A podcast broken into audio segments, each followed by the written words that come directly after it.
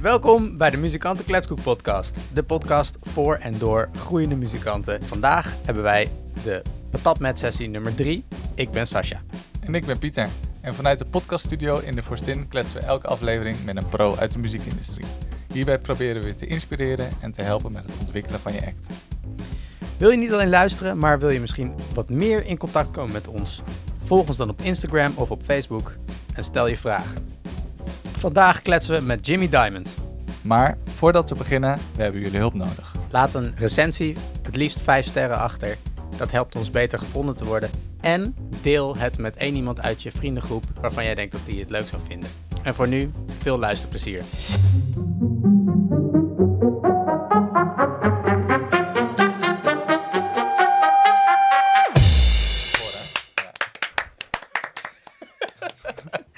Oh, ik dacht, oh, ik dacht dat het de bedoeling was. Sorry. Eerst applaus voor techniek. Nice. Heerlijk. Oké. ehm, ja. Jimmy Diamond. Goedenochtend. Morgen. Goedemorgen. Nog net, nog net. Ja. Ja. Leuk dat jullie er zijn. Ehm, ja. W- hoe? Hoe? Waarom? Waar- waarom, waarom zijn we hier? Waarom, waarom ben je hier? De vraag van het leven. Nee, eh, waarom zijn wij hier? Nou, we ik heb een berichtje van jou gehad, eh Sascha. Ja, en, klopt. eh, wij spelen hier 20 mei uit mijn hoofd met eh Patat Met. Yes. Patatje Met. Zeker. Ja, inderdaad. Samen met eh, Money and the Man en de, en de Tapestries. Nice, ja. Ja. En eh, ja, dat wordt dus een, een toffe adem, eh, avond. En, ja, adem. Ja, Uh-huh. avond in ieder geval. En eh, ja, dan wil ik eigenlijk wel weten. Wat is jullie superhero background story? Zo. Hoe zijn jullie gekomen waar jullie zijn? Oh, wauw. Dat is wel gelijk... eh, ehm, Aan de als in, als in de, de- het lange verhaal. Ja. Wil je het lange verhaal horen? We hebben de tijd, hè? Zeker. Oké. Eh, Niet te lang graag. het, begon, het begon allemaal. Toen ik eh, één was. ja, precies. nee, ehm, eh, eigenlijk is Jimmy Diamond is een soort van... eh, ja, vro- vroeger, jaren geleden, eh, waren wij nog een rockband wat eh Ruff heette. En dat is een soort van... Uiteindelijk, ja, wat anders gelopen, laat zo zeggen. En ehm, dat is een soort van omgedoopt tot Jimmy Diamond. In, weet ik veel, in eh, 2019 was dat volgens mij.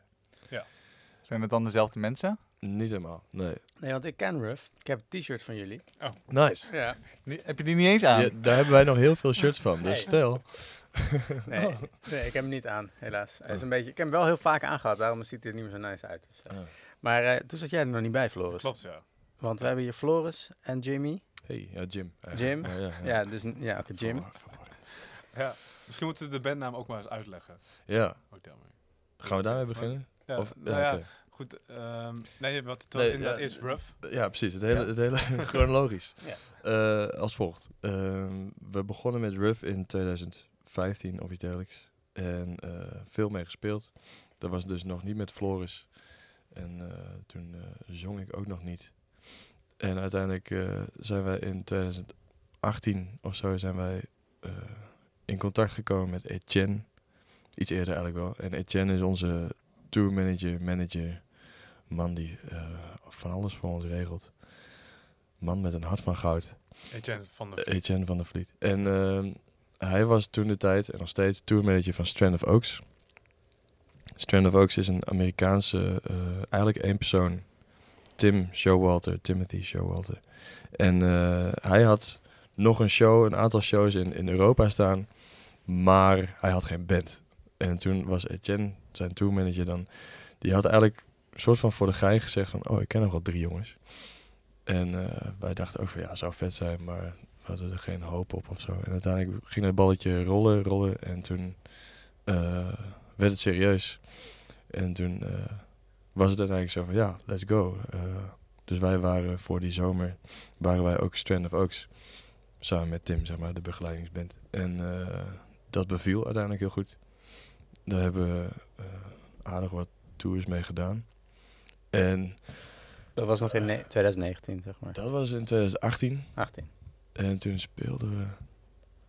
eh, Cactus Festival en iets in Polen. En Oh, je zijn ook heel eh, zo buiten Nederland gegaan dus. ja, dat, is, dat zijn wel echt... als hij zeg maar van Amerika in Europa gaat toeren, wij zijn hele tours.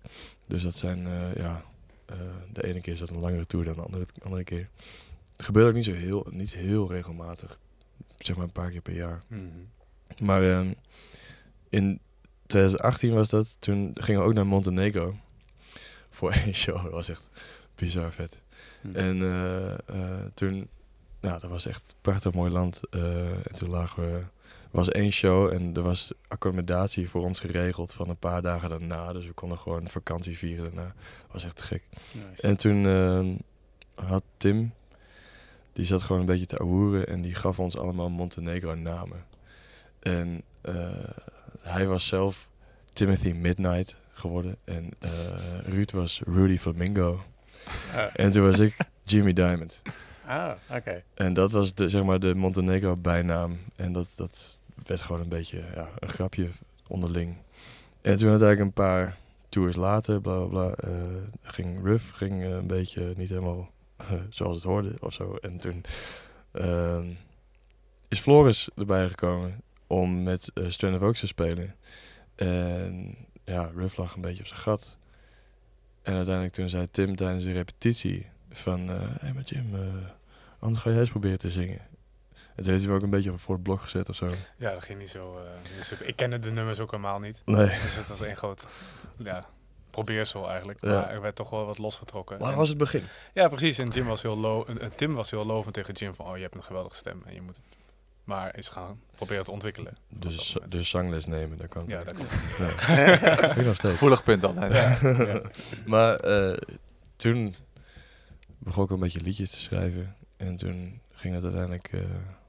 matchte dat heel goed. De muziek die we maakten vonden we echt cool om te doen ook. En toen eh, rolde daar een bandnaam uit. En dat was Jimmy Diamond geworden.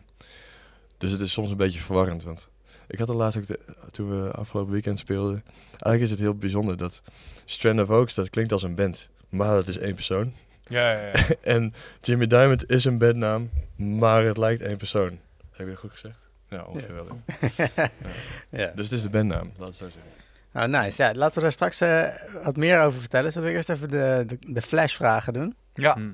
we hebben een aantal korte vragen waar je ehm, keuze A of keuze B kan kiezen. En doe, later... doe er vijf, toch? Doe er vijf. Vijf? Ja, want dit zijn er wel heel veel. Hè? Doe er maar vijf. Prima. Oké. Alright. Dus ja, inderdaad, vertel maar. Korte vragen. En dan? Ehm, ja, dus kies je keuze A of B en eh, kunnen we later nog eh, verder op ingaan. Mhm. Ehm, gewoon een beetje om uit, eh, uit de tuin te lokken, zeg maar. Oké. Leuk, leuk. Goed, ehm, ik zal wel beginnen met de eerste. Ehm, liever veel gage of veel exposure? B. B. Ja, we kunnen ook tegelijkertijd zeggen. Nee, Dat is wel- ja, en, Ja, en ja, als ja, het- kijken als het tegelijk is. ja, ja, dat is dat. Veel exposure dus. Ja, Zeg maar het woord. ja eigenlijk ex- exposure, ik, ik vind dat het wel... Wacht even, wacht even. Nee, nee, nee. nee. Nog straks over uitwijken. Oké. Volgende. Eh, liever een rijke sponsor-oom of nog meer talent?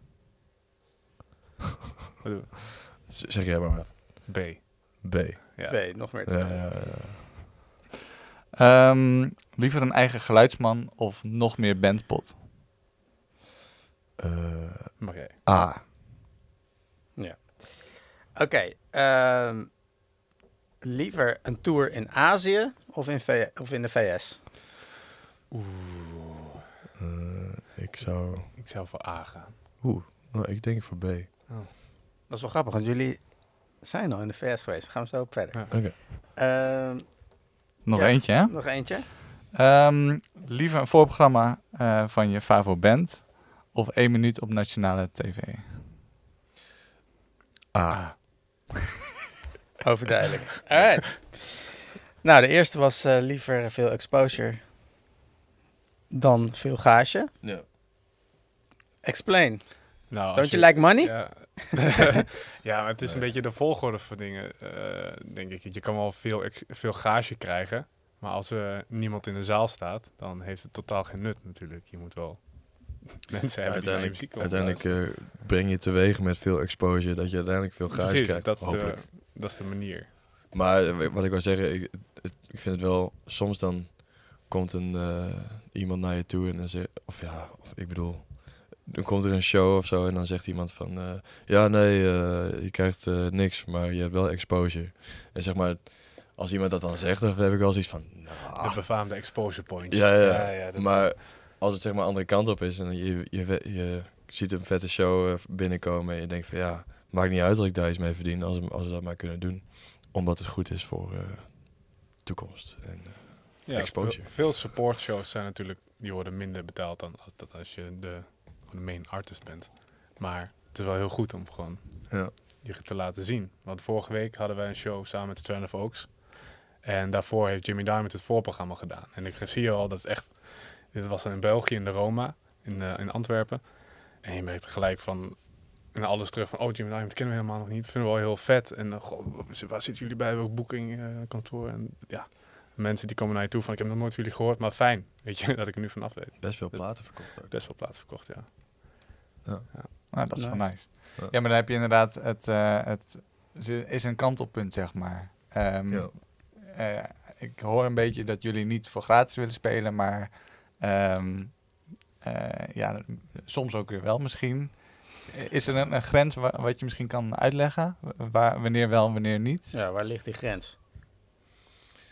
Ehm, het heeft vooral met, met, met bouwen van je eigen eh, fanbase te maken, denk ik. Dus als je in de plaatselijke kroeg, eh, bij wijze van spreken, voor te weinig eigenlijk gaat spelen, dat zou ik dan niet, misschien niet doen. Of ja, ja, ligt eraan. Als het een vriendenkroeg is, dan natuurlijk ook. Maar ja, Dus, dus ja, dat, er moet een strategie achter zitten. Ja, Mhm. oké. En dat is. En dat is... eh, eh, Soms heb je shows die kunnen deuren voor je openen. Bijvoorbeeld een festival of iets dergelijks. En om daar gewoon bij binnen te komen als nieuweling, dan moet je soms gewoon concessies doen. En ik denk dat je nog wel trots moet zijn op je eigen werk als artiest. En wanneer het kan, moet er gewoon onderhandeld worden voor een betere prijs. Maar daar is altijd een tijd en een plaats voor. En als je geluk hebt, dan doet een boeker of een manager dat voor je. Dus dan heb jij nog steeds gewoon de fijne reputatie van... oh, we zijn artiesten en we zijn heel, heel vriendelijk tegen iedereen. Maar je, op een gegeven moment moet je wel weten wat je waard bent. En niet voor onder een bepaalde prijs spelen. Want dat is ook gewoon de markt kapot maken. Als iedereen dat zou doen, dan ben je gelijk klaar. Ja, dat is ook vooral het ding. Eigenlijk vind ik sowieso dat voor heel veel gevallen dat er zo'n scheidingslijn is tussen bands die zeg maar net aan het bouwen zijn, die dan waarsch- waarschijnlijk veel te veel verdienen. En dan heb je opeens een gat. En dan heb je alle, weet ik veel, Miss Montreals en zo, die echt eh, die op eh, Bonaire kunnen zitten of zo. Wat, waar ze keihard voor gewerkt hebben. Maar eh, ja, ik denk dat als, als iedereen alle kleine bandjes net iets meer zou betalen, dan dat, dan zou het wat eerlijker worden of zo. Ja, ik denk dat vooral het is het bewustzijn van... ik speel nu voor minder dan wat ik denk dat ik waard ben. Ehm, maar ik haal er wel iets anders uit wat niet te behalen is door geld, zeg maar. Ja. Dus het, of het is een connectie. Of, eh, Exposure. Ja, nee, maar exposure is meestal naar bijvoorbeeld publiek. Ja. Ik denk van, het kan ook zijn dat ehm, een, een boeker of een programmeur aanwezig is. Dat je wel eventjes gewoon wil laten zien wat je kan, zeg maar. Het kan ook een soort van showcase feel zijn. Ja, show, Ja. eh, exposure is, eh, is, is eigenlijk een beetje een vaag concept. Net als energie of zo. Weet je. Ja, voel je de energie? Heb je Hmm. expo wat, is, wat is exposure, bedoel je eigenlijk te zeggen? zeg Ja. maar? Wat voor Ja. exposure? Mhm. Ja, dat is wel inderdaad heel erg eh, waar. Eh, maar ja, inderdaad. Ik denk dat het vooral in dit geval gaat om een, eh, eh, iemand die naar je toe komt die zegt... Ja, kom spelen voor exposure. Dat zouden jullie niet, eh, niet per se doen. In, Nee. in gewoon, tenzij het een... Precies. Tenzij. Tenzij, inderdaad. Ja. Ja. Tenzij. En het kan eh, van alles zijn. Ja. Maar het is vooral ook... eh, kijk, als je op een plek gaat spelen waar je nog nooit gespeeld hebt... en eh, je weet dat dat eh, uiteindelijk een stap is... om in een andere, grotere zaal misschien te komen... het eh, jaar daarop weet ik veel. Ja, het is gewoon... Je moet overal moet je zaadjes planten en bouwen aan je, je naam en je fanbase, zeg maar. Dus dat in de regio, dan ben je op een gegeven moment kent iedereen je misschien al wel. En dan ga je wat minder snel voor nop ergens eh, spelen dan wanneer je er, ergens in Verwegistan zit of zo. Mhm. En is dat wel eens bij jullie gebeurd? En, eh, zeg maar dat je een kleinere show speelde en daarna vervolgens op het grote festival van de regio speelde? Hmm. Kan ook bij een rough zijn, of gewoon bij eh eerdere dingen. Even denken. Ik zat te denken aan een bruisfestival, dat daar Ja, ik. uit was gekomen. Is misschien iets wat aan de manager, of eh, aan eh, de vragen. Is dat een hulplijn? Ja. Inderdaad. 0610. Hey, eh, de volgende. Liever een rijker sponsoroom of nog meer talent? En toen zeiden jullie A, volgens mij. Of B. Nee, nee, nee, ik ja, heb talent eh omcirkeld. Talent, oké, ja. ja. Oké. Ja, ik denk, het talent zie ik dan even van, je kan jezelf altijd meer ontwikkelen en nieuwe dingen ontdekken. En dat, weet je, geld koopt geen talent. Misschien wel een masterclass van iemand, maar dat wil- wil niet zeggen dan, dat je daar beter van wordt. En- Maar talent kan ook op heel veel verschillende vlakken. Dat kan ook. Ja. eh, het hoeft niet per se instrumenten eh, bespelen zijn, maar dat kan ook. eh, eh, hoe je je socials doet of hoe je eh, eh, produceert. Eh, ik, ben, ik ben bijvoorbeeld heel erg bezig geweest in de afgelopen tijd om, om mijn studio op, op orde te krijgen. En ik hoop uiteindelijk dat ik eh, een volwaardig product zelf zou kunnen afleveren, weet je wel. En eh, dat kan nog op meer vlakken natuurlijk. Dus ik kan ook, eh noem eens wat.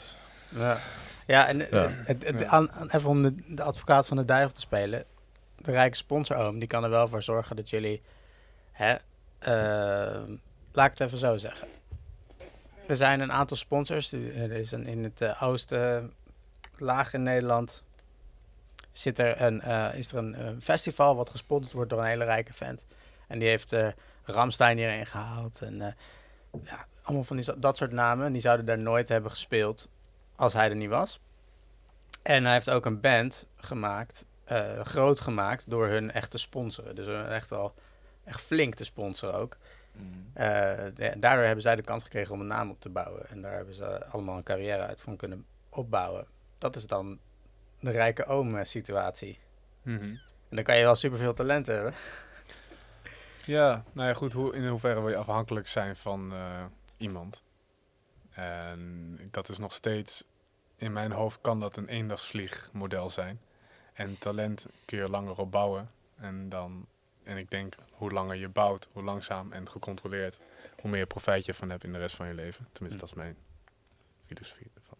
Kijk, met, met, met, eh, met een rijke sponsoroom bouw je bijvoorbeeld geen, eh, niet per se een team op, lijkt mij.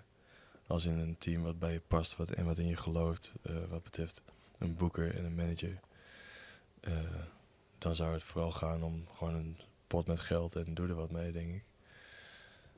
En eh, dan denk ik dat je, dat je minder bezig bent met eh, het uiteindelijke product wat je aflevert. Oké. Heb je dat? Ja, denk ik. Duidelijk. De volgende zeiden jullie eh, liever een eh, eigen geluidstechnicus eh, eh, dan meer bandpot, zeg maar. Hebben Ja. jullie een vaste geluidstechnicus? Zeker. Sipke. Sipke Woudstra. Shout-out. Shout-out aan Sipke Woudstra. Je weet wie je bent. Hoe is dat zo tot, tot stand gekomen? Oh, Sipke die doet al heel lang ons geluid, ook in de rough tijd. En daarvoor was, eh, deed hij nog eh, met Ruud, onze drummer, die er vandaag niet bij is. eh, had hij, hij had ook nog een ander bandje. En zij kennen elkaar al super lang. Dus het is echt eh, gewoon een goede vriend van ons. Dus hij is met jullie meegegroeid. Hij is ook waarschijnlijk dan een deel van de eh, band als qua gage geweest dan, waarschijnlijk. Ja, soort van wel, ja. Ja, want meestal is, er, is er een eh, geluidsman, professionele geluidsman, die vraagt een flat fee. Die zegt gewoon, het kost zoveel, weet je, va- vast, wel, va- vast wel te onderhandelen. Maar Mhm. eh, ja, dat is wel vaak dan wel ook meer dan, in, zeker in het begin, gage. Ja. Wat het gage is voor de band, bandmembers. Maar bij jullie is die dus... Dat was denk ik in de tijd van Ruff. Weet je, je, als je niet veel verdient, kun je ook niet veel uitgeven. Het, het als de band wel gaat verdienen, kun je wel veel uitgeven. Dus het is gewoon, je past het altijd aan, aan Ja. wat je zelf binnenkrijgt. Hij wil dat wel meebouwen. Dat ja, precies. Dat is het hele ding. Ja. Van, hij gaat niet onredelijk zijn en zeggen van... joh, eh, technici verdienen vandaag de dag, weet ik veel, 300 euro eh, met een verhoogde prijs. En dan, ja, dat kan, dat ja, kunnen wij gewoon niet geven. Nee. Zeg maar. Dus dan ga je wel gewoon in gesprek van... oké, maar stel je voor het geld komt er ooit. Dan ga je zeggen, oké, dan gaan we dat ook geven. En dat zijn gewoon afspraken die je maakt met elkaar. Dus jullie hebben een afspraak dat op het moment dat het geld komt, want dat kun je natuurlijk niet garanderen, ook al gaat het supergoed. Ja, kan het, ook. het is gewoon eerlijkheid. Ja, naar elkaar. Net zoals dat een manager en een boek ook een percentage pakt van je lijfgage. En dat hoef je niet per se met je geluidsman te doen. Ehm, ja, maar het is wel eerlijk dat het hele team ervan profiteert. Als er wanneer, is. wanneer het Ja. gewoon goed gaat, wanneer er geld is inderdaad. Dat eh, vind ik wel echt vrij belangrijk, vooral als iemand ook jarenlang tijd in je heeft gestoken. Ja, en het is dus dat soms eh, heb je een, eh, een, een lekker vet optreden, zeg maar. En soms wat, wat minder. Is dat bij jullie ook zo? Dat je dan soms, wat, of hebben jullie wel echt een vast gage wat jullie altijd krijgen nu? En, Dat eh, fluctueert. Het fluctueert ja. wel. En als, het, als je weer wat meer hebt, weet je, wij hebben ook gewoon kosten die ook gewoon moeten betaald worden. En als het even een mooi optreden is, dan kun je een klein buffertje aanmaken om wel weer, zeg maar, een- Ja, de rest te betalen. Het is niet het geval van dat wij opeens eh, duizenden euro's aan bij een optreden ontvangen. Dat, dat, eh, dat zit er niet in natuurlijk nu. nee. Maar ik vind het een geluidsman wel een flinke meerwaarde om terug te komen op, eh, op die vraag. Want eh, ja, dat, dat kan gewoon echt een, een, in ons geval dus een vierde bandmember zijn. En eh, hij kent alle nummers en hij weet, eh, we hebben nog een bijzondere priklijst. Dus dat, hij weet ook hoe hij daarmee om moet gaan. En als je dat constant eh, bij een nieuwe geluidsman... Ja, weet niet, het is ook een soort van vertrouwensdingetje of zo. En Als je de hele tijd eh, moet vertrouwen van... oké, er is nu een geluidsman... wat waarschijnlijk eh, de 9 van de 10 keer gewoon hartstikke goed is. Maar ja, soms weet je niet wat, wat, hoe hij is vertaald naar het publiek, zeg maar. En Ja. dat, eh, Ja. Doordat je iemand meeneemt, weet je dat wel in zekere zin. Tot op zekere hoogte. Ja, want je gaat gewoon met de geluidsman, ga je gewoon zaalrepetities doen. Je gaat terugluisteren, je gaat, bespreekt wat bij je sound hoort. En ja, wij zijn met z'n drieën, dus wij willen soms wel eens rare effecten doen en extra kanalen. En het is puur dan op zijn gehoor moet het dan goed gaan. Ja. Dat is best wel fragiel eigenlijk. Dus dat, Plus, hij, hij heeft ook wel echt... eh, met ons, uiteindelijk zijn wij geswitcht naar, eh naar oortjes spelen. En daar eh, heeft hij ook heel erg in mee geholpen en gedacht. En, eh, mee geïnvesteerd. Dat ook, ja. Ja.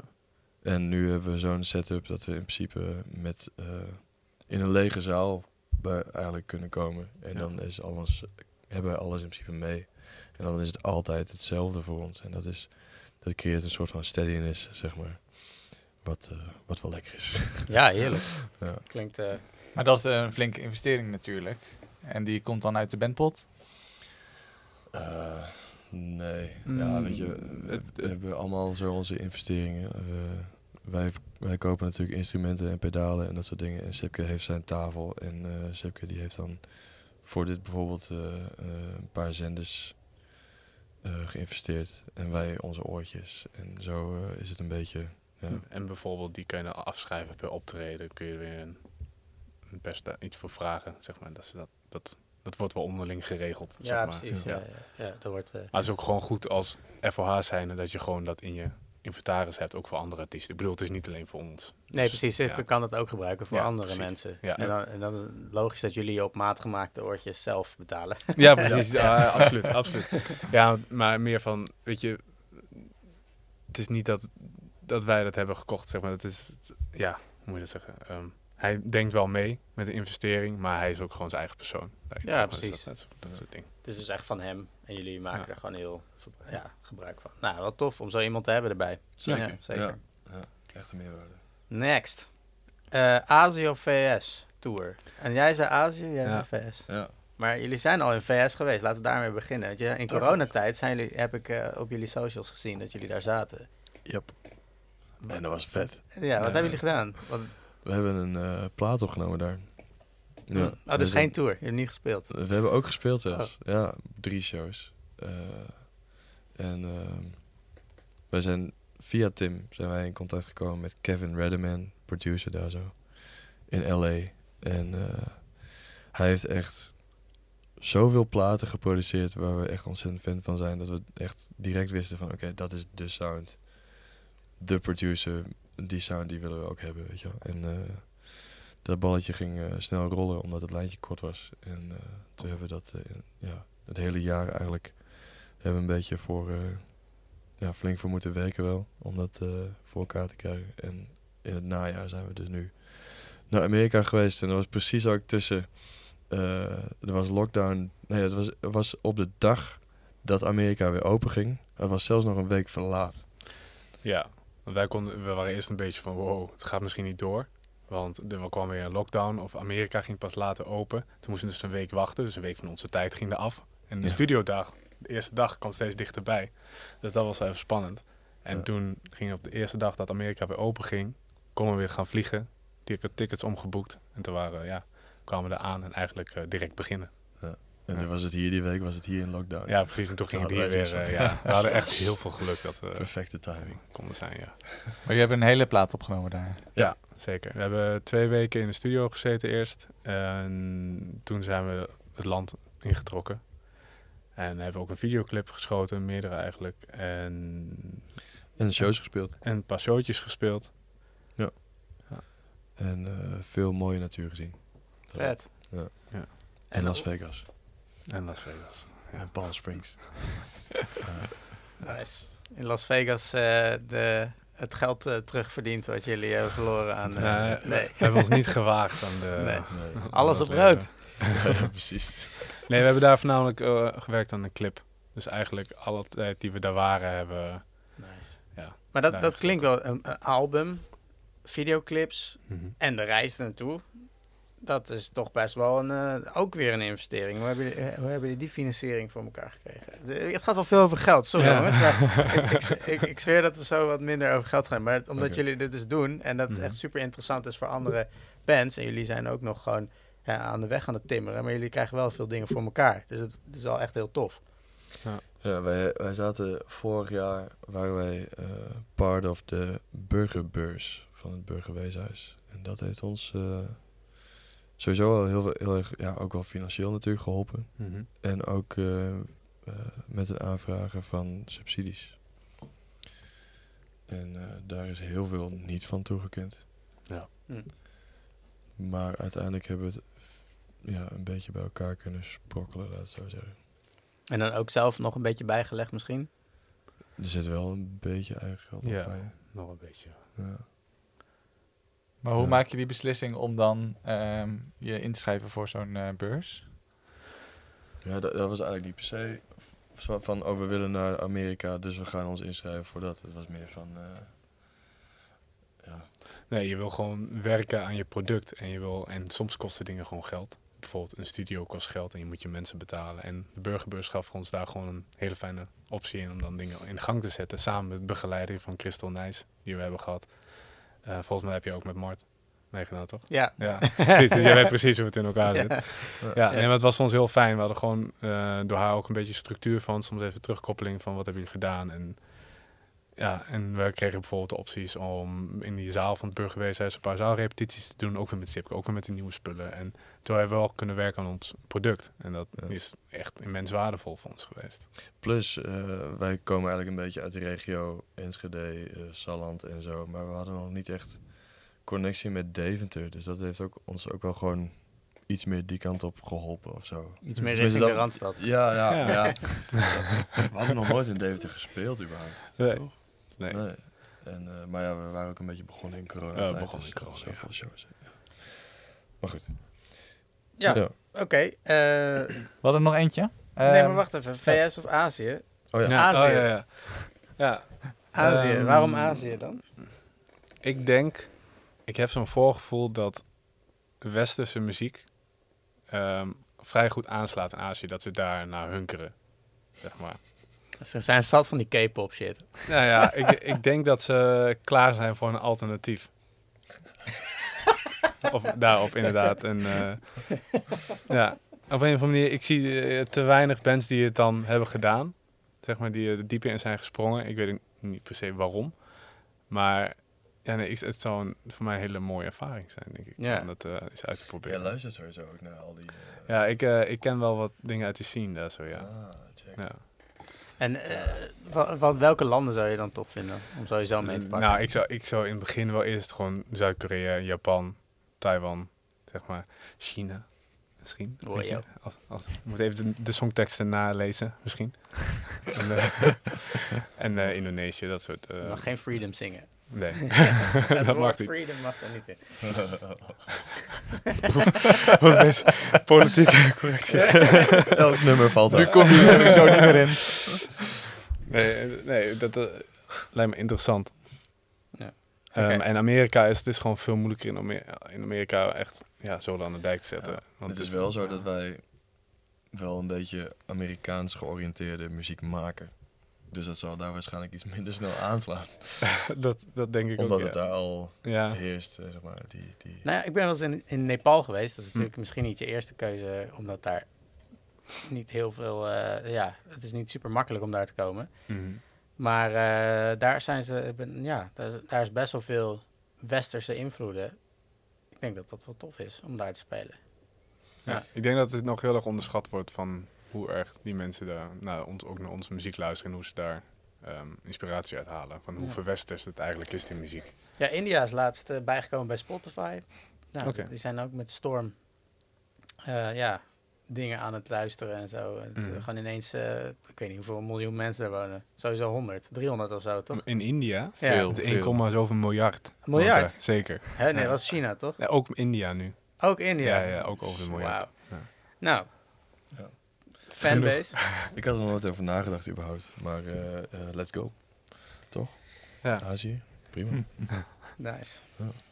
Goed, eh, dan la- de laatste in het rijtje. Liever een voorprogramma van je Favo Band of een minuut op nationale radio. Hadden jullie gekozen eh, eh, voorprogramma van je Favo Band? Welke, Ja. welke zou dat dan zijn? Nou, ehm, ik denk... ehm, m- m- Ja, je? My Morning Jacket. Jacket? Ja. Of War on Drugs. War Drugs. Oh Ja. Maar we hebben al van eens... Een, ja, goed, we waren ook al fan van Strand of Oaks toen wij... Voordat we in die band zaten, zeg maar. En, en we Eigenlijk hebben je gewoon droom al geweest. Nou Ja, één, we hebben iets afgetikt inderdaad. Maar er, zijn nog meer dromen en nog meer wensen. Madrugada. Madrugada, ja. Hey. Over even kort dan, over, daar wil ik zo nog verder over vragen. Maar, de, maar spelen jullie dan zelf ook als Jimmy Diamond? Of is dat dan echt als zeg maar, begeleidingsband van Strand of Oaks? Of, of Ehm, spelen jullie dan bijvoorbeeld ook nog voorprogramma van hem? Als Wij zijn gewoon de band Strand of Oaks. Ja. Het heeft dan Ja. niks te maken met Jimmy Diamond. We Ja. zijn toevallig wel een band met z'n drieën, inderdaad. Ja, ja, En ja, toevallig hebben we ook afgelopen zondag in Antwerpen ons eigen... Ja, Maar is dat dan een t-shirtje voorprogramma. uit en dan ben je opeens de andere band? Of hoe gaat dat? Ik heb wel een blouseje getrokken, ja. maar in principe stonden we gewoon als dezelfde jongens. Ja, En, eh, maar weet je, dan met een Tim, dus eh, als we het hebben over Tim, dan hebben we het dus over Strand of Oaks. Dan hij, kwam, hij heeft ook aan, ons aangekondigd van tevoren en hij zegt van hij houdt ook heel erg van onze muziek en hij is altijd heel erg mee betrokken geweest. Heeft Jim met songwriting soms ook tips gegeven. En hij is ook zeer goed bevriend met Kevin, onze producer. Dus het is, het is een beetje een, een collegiaal familieband, zeg maar, die je daar hebt, muzikaal. En dus hij gunt het ons heel erg. Dus het maakt niet uit of wij als Jimmy Diamond daar stonden of niet, of als Strand of Oaks. Het is gewoon, we gunnen elkaar heel erg. En hij wil ook het beste voor ons. Dus dat is, ja, dat is een, Mooi een mooi gezegd, ding. mooi gezegd. Ik heb nog één, eh, één korte vraag voordat we verder gaan. Eén flashvraag. Die ik toch wel graag wil stellen. Eh, en daar mag ik meteen over uitweiden. Eh, liever uniek zijn of liever heel goed zijn? Liever uniek zijn. Uniek wijst meer op de persoon, op jezelf, denk ik. En heel goed zijn is de mening van anderen, voor mijn gevoel.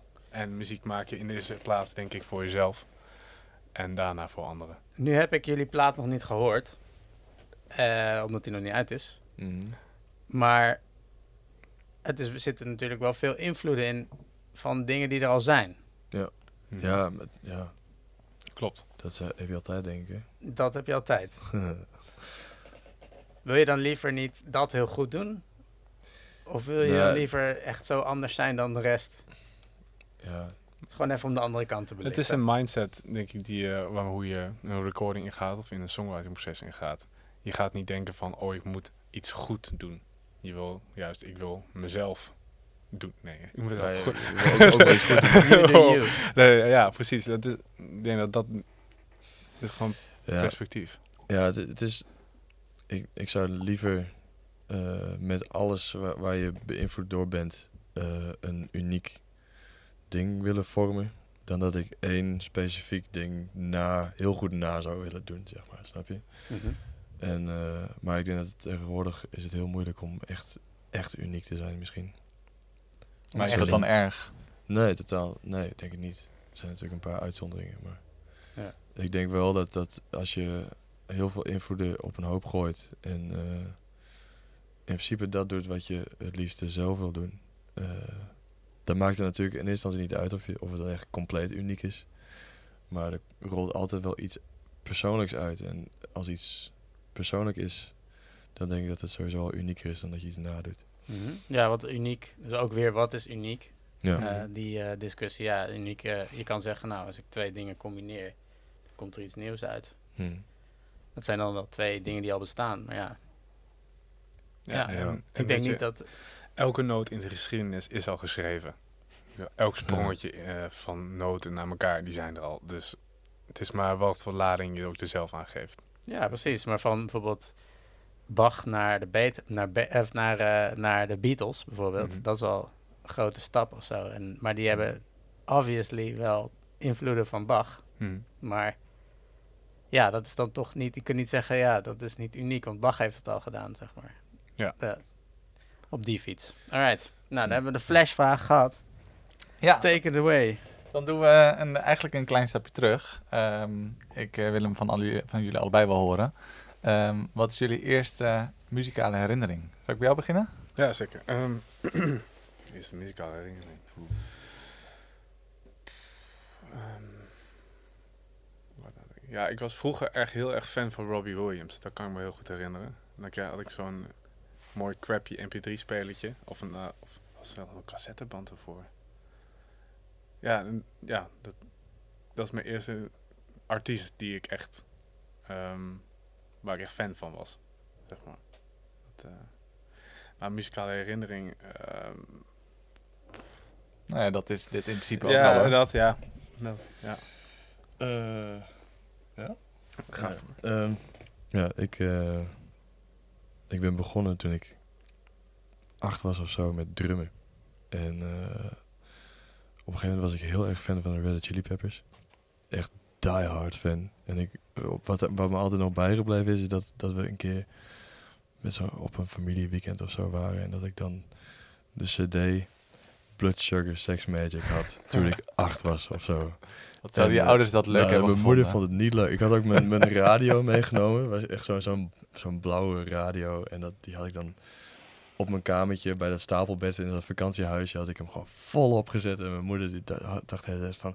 "Oh, luister je toch naar al die scheldwoorden erin en zo. Die vond het helemaal niks. Maar ik vond het echt... Dat was echt... eh, de, ik denk de eerste cd die echt wel... Ik dacht van yes, dit vind ik, hier ben ik fan van. Weet je. Mm. wel. Ja. Ja. Red Hot Chili Peppers. Nice. Ja. En is, is, er een, is er een kantelpunt eh, geweest wanneer jullie hebben gedacht van nou, laat ik dit eens proberen, dat muziekding. Hmm.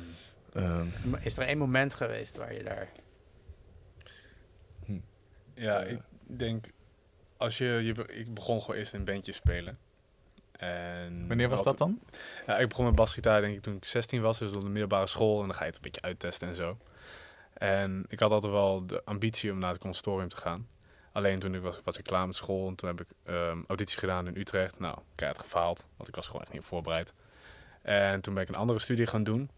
En toen werd het me pas echt duidelijk dat ik niet zonder kan. Toen heb ik dus die studie heb ik stopgezet en toen heb ik, ehm, ging ik de artist auditie doen. En toen heb ik daar dus mijn studie afgemaakt. Want ik had gewoon die nood van, ik kan niet een, een saxofonstudie volgen, een eh, hbo-studie gewoon zomaar. En, en dat volhouden van de, de, de nood voor muziek maken is gewoon te erg. En dat, ja, dat kwam dus heel basaal eigenlijk op mijn dak. Van ja, ja dat, ik zit er gewoon dag en nacht mee. Ik moet dit doen. Ja.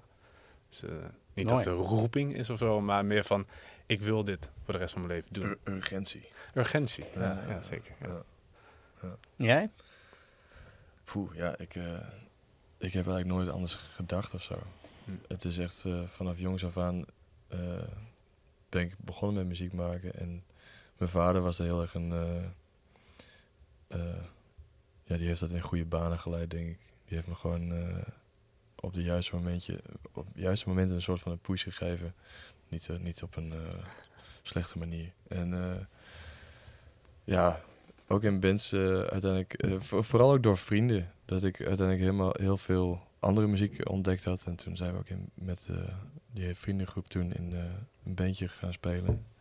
En uiteindelijk had ik gelijk al zoiets van, oké, na de middelbare school wil ik naar het conservatorium. En omdat dat toen voor mij leek als, oké, ja, dat, dat, is, dat is wat ik dan nodig heb. En eh, ja, sindsdien nog iets anders gedaan Ja. of zo. Alright. Nergens Dus, over nagedacht ook. Ja, ik zou, misschien dacht ik dat om een keer wiskunde leren of zo te worden. Nee. Ja, echt waar. Maar dat was dus snel afgestapt hoor. Wauw, ja, ik had ook zo'n wiskundeleraar die heel erg altijd rock-t-shirts aan had en zo. ik ook. IJsselstein. Eh, Ja, ja, natuurlijk. Je zat bij mij op school. Shout-out. Shout-out. Ja, ik, had, ik had meneer Klomp als wiskundeleraar. Die had, die had dan geen rockshirt aan, maar die, eh, die deelde heel erg... eh, die, wij konden wel heel goed over muziek praten. En dat was, daarom vond ik wiskunde ook heel leuk of zo. En eh, hij komt nog steeds af en toe wel naar shows. En, eh, ja, ik weet niet. Het heeft ook gewoon een goede invloed gehad, denk ik. Kijk, zo zie je maar. het. Muziek, daar leer je ook nog andere dingen van. Wiskunde, Ja, onder andere. Nou, Ik Mooi niet. uitstapje. Maar goed. Kunnen jullie wat vertellen over hoe jullie de scene in jullie eh, hometown eh, ervaren? Dus eh, zijn er verschillende bands die allemaal bezig zijn met muziek, helpen die elkaar? Of in onze hometown. ja, gewoon, ik bedoel meer van eh, de, de Ja, waar komen jullie eigenlijk vandaan? Eh, ik kom uit Delden, dat ligt in Twente. En daar is geen scene. Een tentfeest zien. Nou, Ja, dat wel. Achter de tent word je een fan, toch? Dat was, Ja. dat was het ding. van normaal in de, in de wei, ja. Ja. ja. zeker. Ik kom uit eh, Lemelen. En eh, daar is eh, ja, wel echt een scene.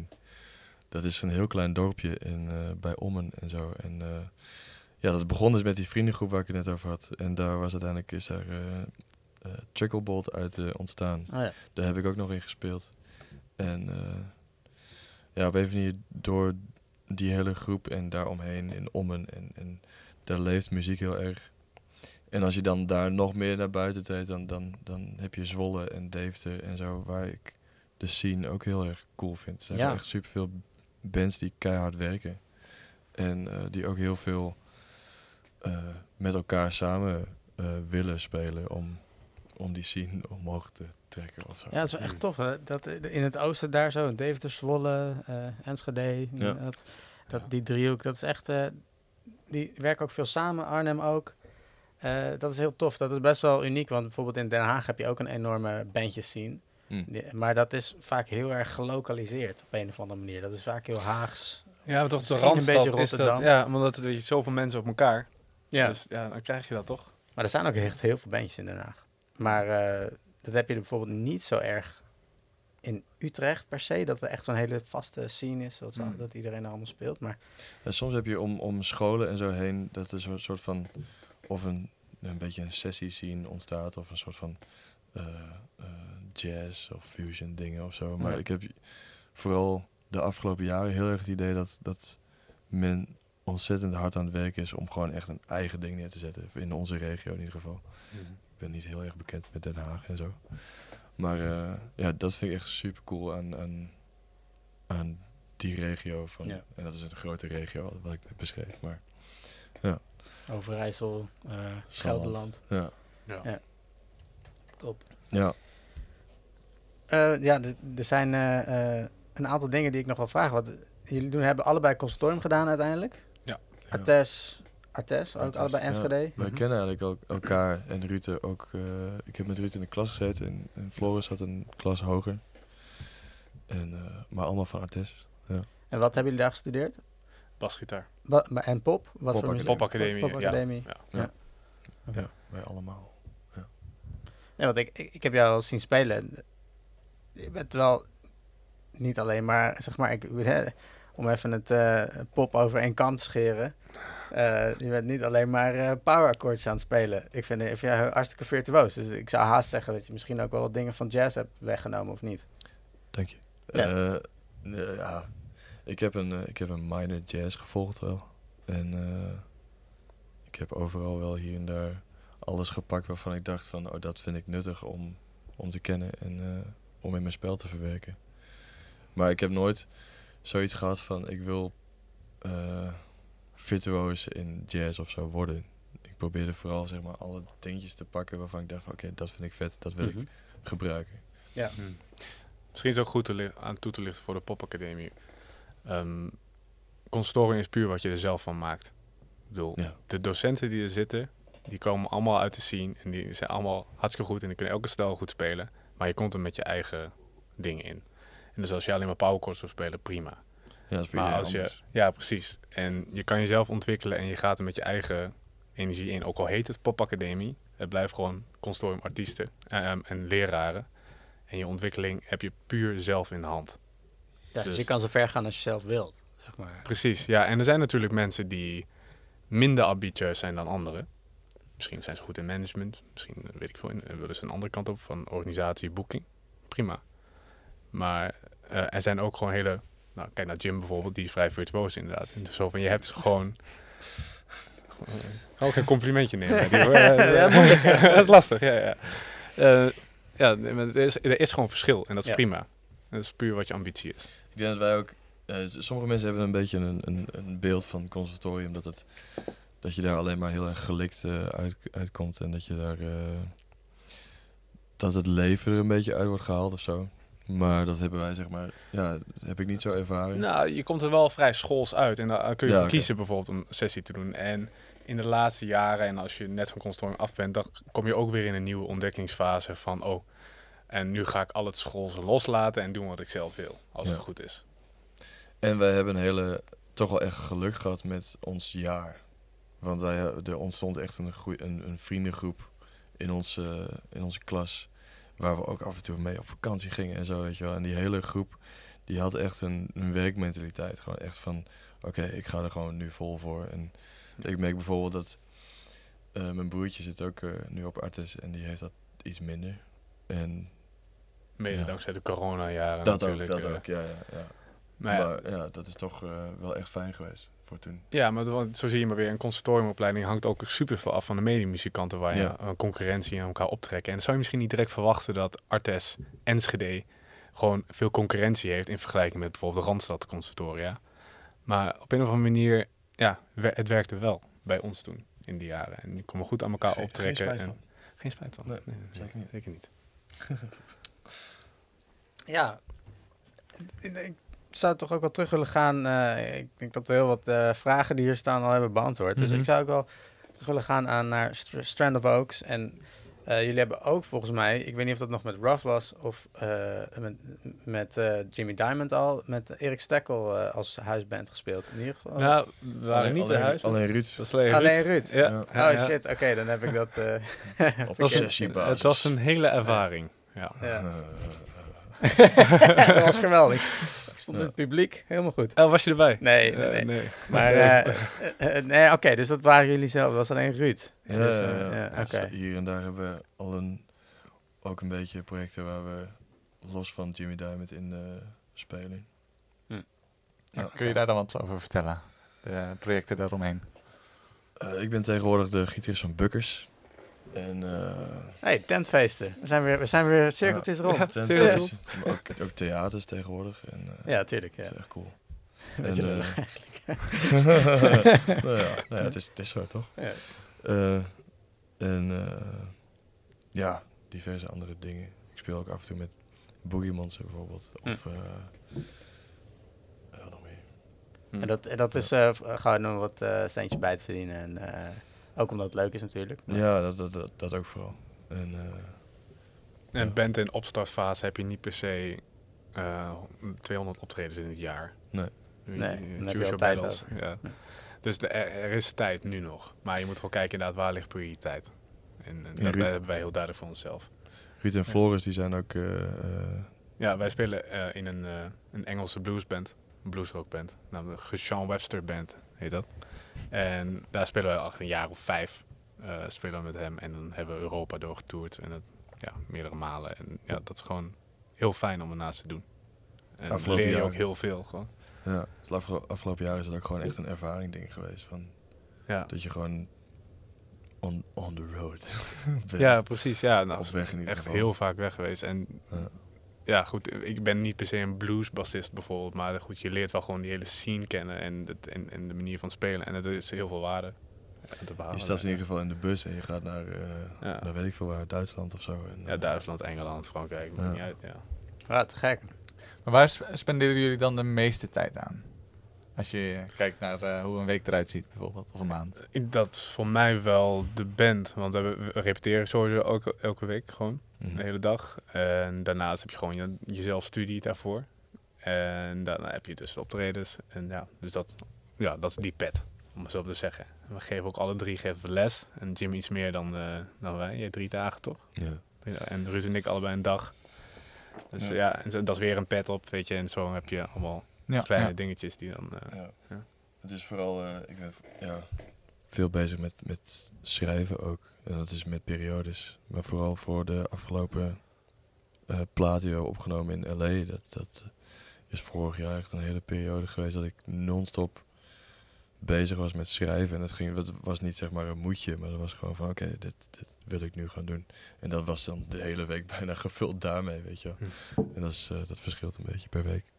Ja, want toen jullie naar de VS gingen, toen had jij al die liedjes al, eh, hoeveel staan er op het album? Tien. Tien. En Ja. eh, ik neem, had je dat toen ook al tien geschreven? Of waren het eigenlijk twintig en heb je er tien van uitgekocht, uitgekozen? meer, ja, waren 15, 25. 16. Ja, ja oké, van de selectie inderdaad. Ja, 16, 15. Ja, we hadden natuurlijk, we hadden ook, we hebben ook eh, onlangs, of ja, dat is eh, in september geweest, hebben we ook een plaat uitgebracht. Dat zijn eigenlijk twee EP's.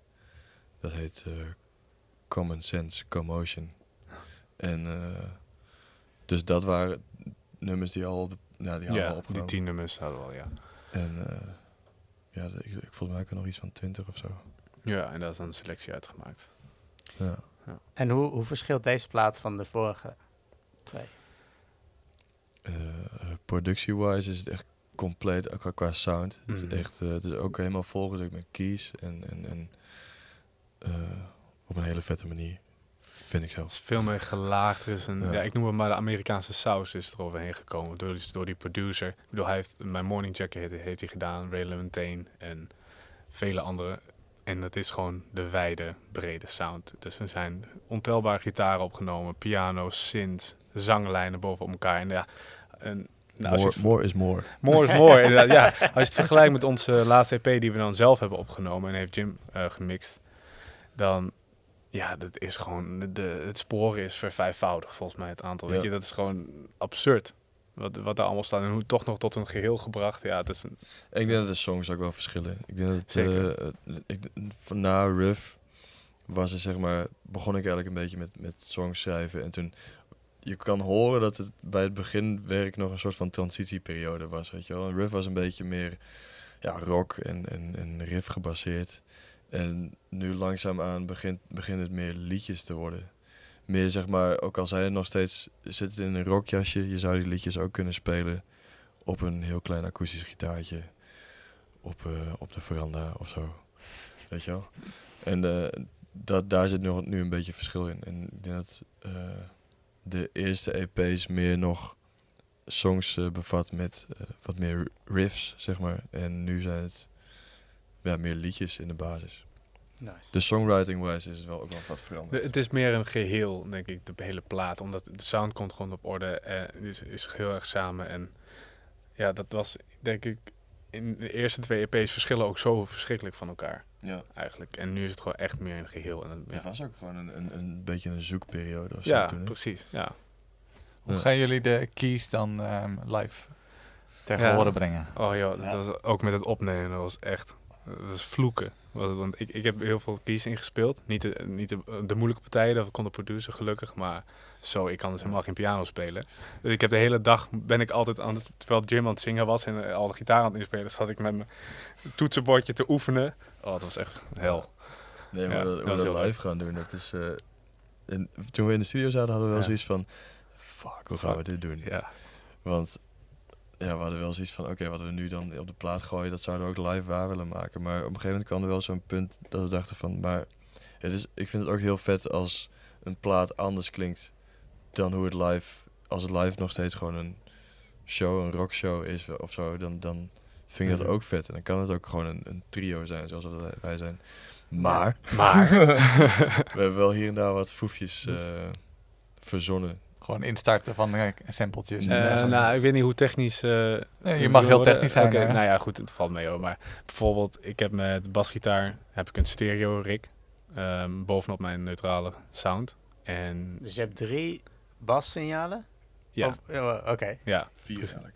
Ook nog NDI. ja, klopt. Ja, DI mic voor de normale en dan Ja. een DI bovenop inderdaad, Ja. ja.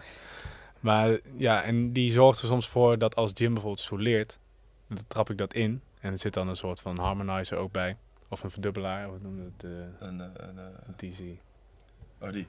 Ja, maar sowieso, een, eh, Ja. dat, het, is, ja, het klinkt meer als een gitaar. Ja, Een precies. En, gaat, en omdat ik het ook octaveer, Ja. dan gaat het opeens als gitaar klinken. Dus als Jim soleert, klinkt het alsof nog iemand gewoon mee zit te strummen bijvoorbeeld. Ja. Ja. En, en het Het is een beetje breed. hybrid basgitaar-gitaar wik geworden. En dat, is Ja. wel, ja, dat is wel interessant. Ja, hoe- heet die, dat ene rock duo ook? Die, eh, Uh, de Royal Blood. ja, die. ja. die- Nou ja, ik weet niet zo goed wat die allemaal doen, maar eh, Genoeg. Ja, ja. Ook wel basgitaar. En eh, die hoor je ook, ook gewoon gitaar eruit. Maar het is dus echt mooi aan elkaar getrokken. En dat doen wij dus ook. Dus jullie hebben hele eh, paddleboards, festijn voor jullie liggen. En, nou, Dat begint wel te komen. Ja. Ja. Ik heb nu een, een bordje. eh, ik, ik split dan mijn signaal. Dus ik, ik heb twee versterkers, wat dan zeg maar mijn gitaarsound is. En eh, daarvoor split ik mijn signaal nu ook. En dat gaat dan. Ik heb zo'n. eh, dat ziet er ook uit als een. Als een, eh, als een eh, sustainpedaal van een piano. Dat Oh, heet die, ja, die, ja, dat dat- is zo'n freeze-achtig Plus effect, pedal. Ja, Ja, ja, ja. die wilde ik ook gaan halen. ja. En, en, die, en die gaat dan door een mellotron pedaal. Oh, wow. Dus dat wordt je sound gewoon com- compleet mellotron opeens. En dus dan kan ik, als ik een gitaar of als ik een, een, een akkoord aansla en ik ga- trap dat sustainpedaal in, dan hoor je gewoon ja, een, een, een akkoord gewoon vastgehouden worden door een mellotron, zeg maar. En dat, eh, daar zijn we nu een beetje mee aan het experimenteren. Daar hebben we één show mee gedaan. Mhm. moet je dan steeds, als je gaat ver- verwisselt van akkoord, moet je dan weer dat... Ja, ja dus het is wel zeg maar a lot eh, to process Ja, eh, in je hoofd. ja, precies. We hadden, we hadden zelfs als jij pedalsteel speelt, Ja. dat we lijntjes naar mij moesten leggen met een kill switch en dat ik Jim's pedalen moest eh, besturen en dat werd wel even zo van, oké, dit is wel even heftig. Dat is wel vet om te zien hoor. Maar dat zijn wel unieke dingen, weet je wel. Dat is niet, eh, ik bedoel, ik kan ook gewoon gaan staan en gewoon, ja, fuck it. We hebben maar gitaar en dingen, we doen er niks Ja. aan. Weet je. Wat ik ook heel cool vind. ja, Ja, wat maar ook heel vet is, het- maar Het is Ja. niet een always on, zeg maar. Het is echt Nee. gewoon heel momentjes kiezen Ja. waar je even de lift nodig hebt, maar in de basis zijn we gewoon een trio. En pedalsteel dus ook. Dat, dat is wel, dat zit toch wel wat meer ook in dat orgelregister. En eh, als ik dan geen gitaar speel, dan speel ik pedalsteel. En eh, zittend. zeg maar. zittend. Ja. Ja. Met, eh, dus e- echt, ja, lapsteel is dan op je schoot. Ja. Hm. En pedalsteel is echt een eh, soort apparaat waar je Ja, het is een, een, campingtafeltje. Ja. en waarmee je dus met je voeten en met je knieën dus al eh ja. toonhoogtes nog verandert. Ja. Ja, wat, eh, dat is wel grappig. Money in the Man, dat is dus ook iemand, eh, een van de bands die op eh Patat Met van jullie versie speelt. Ja. Die eh, zijn ook met z'n tweeën en die hebben ook allemaal Ja. enorm veel effecten. Ja, Mhm. Dus eh, super vet. ja, super vet is dat. En je ziet ook gelijk de manier van schrijven wordt er daar ook veranderd. Bijvoorbeeld, je zei Royal Blood bijvoorbeeld ook van de hele. Ja, je gaat niet schrijven als een bandsetting. Dus je moet het ergens opvangen en er ook veel riffs misschien en effecten kunnen dan iets aan toevoegen. Ja, dat- je krijgt een hele unieke muziek daardoor, om Mm. het woord maar eens eh, in de mond te nemen. Maar toch hebben we dat totaal niet in, in ons hoofd gehad tijdens het opnemen van die plaat. Dat was echt gewoon... eh, Eerst opnemen, dan denken, hoe Ja. gaan we dat live Ja. eigenlijk wel, ja. Maar dat, dat vind ik juist wel een fijne aanpak of zo. Het is niet zo'n... We hebben niet ernaar gestreefd om zo van... Oké, we moeten nu wel een sound neerzetten die we dan ook live kunnen waarmaken. Het was, dat hebben we wel gescheiden. En dat vind ik Ja. achteraf vind ik dat heel fijn dat we dat gedaan hebben. Het is de live en de plaat experience. Ja. Ja. Ik, ik, ik haal altijd het voorbeeld van My Baby bijvoorbeeld aan. Dat is echt gewoon... Die platen van hun, dat zijn echt eh, ja, gewoon hele chille platen of zo. En als je dan ze live ziet, dan is het gewoon een, een dance eh, show. En dat, dat contrast vind ik super vet. Ja, dat is vet voor ons, maar dat is toch ook wel... Ja, zij doen het wel redelijk, maar het, is, het, is- het lijkt me wel moeilijk te marketen. Soort van, of, of als je stelt dat je gesprek hebt met een eh, manager. Ja, ik vind die, ik vind die, pla- die rustige platen zo vet. Kunnen ze dat niet even komen doen hier? We hebben eh, zoveel geld, bla bla. Eh, ja, nee, maar live eh, Is, Ja. toch is toch wel niet dat. eh, is toch, Ja. zeg maar. Misschien Ja, maar dan kunnen moet- ze dat gewoon live niet. Nou ja, misschien, waarschijnlijk wel. Waarschijnlijk wel. Maar ja, Da- da- daar moet men achter komen, denk ik. Mhm. En dat duurt misschien even. Ja, dat duurt even. Ja. Maar eh, dat zou Maar zou je dus, dat is wel een interessante vraag, want zou je dus jouw muziek aanpassen op de wens van anderen? En ik denk dat elke muzikant zou zeggen, nee, dat gaan we echt niet doen. Als dus- in ook hoe je het live speelt. bedoel Ja, je? pre- precies. Van, oh, de manager wil dit. Eh, Oké. Ja, ja, liever niet. Nee. Nee. Nee. Ik bedoel, we, we gaan niet om het, het sneller verkopen. Om nogmaals dat te zeggen, dat is niet het doel. Nee, maar ik bedoel meer te zeggen van... eh, dat snap ik. Dat, daar, Mhm. daar ben ik, heel, daar ben ik het heel mee eens. Dan, dan krijg je gekke tafereelen. Want dan, want dan de ene moment is dit en dan willen ze weer dat. En dan kun je gewoon ook gewoon puur op dat, op dat niveau is dat ook niet bij te houden. Dan moet je ook helemaal niet willen. Maar als je dan zeg maar een hele bijvoorbeeld eh, lo-fi muziek maakt... en in één keer een dikke party set ga- gaat, eh, gaat neerzetten als je optreedt... Super vet. Dat is, zou super vet zijn. Maar, maar ja, ik weet wel dat die ene die venue, die gaat wel een beetje van, huh, maar dit is totaal niet wat ik verwacht Ah, heb, ja. zeg maar. Ja, dus, de- dus ik denk dat zij maar bij eh mijn baby zijn natuurlijk al heel lang bezig. En die eh, eh, hebben nu een live reputatie opgebouwd. Daar zijn, daar zijn ze ook vooral bekend, bekend van, niet per se van hun opnames, denk ik. Eh, in ieder geval hoe ja, ik ze ken is dat het Mhm. een toffe live show is. Ze staan veel op festivals. En, Ja. ja, dus, maar ja, goed. Kan dus wel. Ja, ik vind het wel cool. Want, want als je, stel je zou echt exact naspelen wat je op de plaat hebt gezet, dan kun je ook net zo goed de plaat opzetten. Ja, dat je ben ik helemaal met je eens. Ik vind het super tof als bands gaan improviseren ook gewoon. Hè? Dus, Ja. dus ook het liedje zelf net een beetje anders maken. En dan eh, Mhm. maar Ja. wel herkenbaar houden, maar Precies. daar zit de kunst eh, Ja. voor mij. Ik ben wel benieuwd, benieuwd een beetje naar eh, hoe jullie het management eh, eh, uit handen geven of juist eh, een eh, gedeelte zelf doen. Kunnen jullie daar wat over vertellen? Ja. Ehm, ja, we, hebben, eh, we zijn er nu echt heel blij mee. We hebben nu een soort van team kunnen opzetten met mensen die me gewoon elkaar goed liggen. Bijvoorbeeld Niet een soort van, gewoon echt een... Echt, mooi- een- echt heel stabiel, eh, Ja, goed, ja, eh, ja, sterk ja. team. eh, ja, Ja. oké. maar we onze boeker is eh, Bas Klesseman van Belmont Bookings. En die werkt gewoon, die kent Etienne al heel lang. En die werken hartstikke goed samen.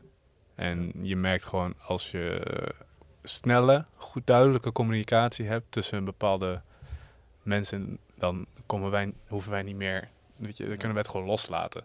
Want zij fixen het, ze hoeven alleen maar een berichtje naar ons te doen, bijvoorbeeld van die dag, die dag, kunnen jullie? Ja, nee, oké, het is gefixt. Dus dat hebben we uit handen gegeven, bijvoorbeeld. Mensen kunnen nog steeds ons benaderen, maar we zeggen dan van, lijkt ons leuk, daar moet je zijn. Dus dat is heel fijn om eindelijk dat eh, te kunnen doen. Want daar voorheen, als je een band gaat opstarten, is het altijd van, oh, zelf alles fixen en eh, zelf mailen. en Hoe lang hebben jullie dat dan zelf gedaan? Nou ja, eigenlijk vanaf het begin, wij kennen Etienne dus al heel lang. En Etienne is nu eigenlijk vervult eh, een behoorlijke managerrol.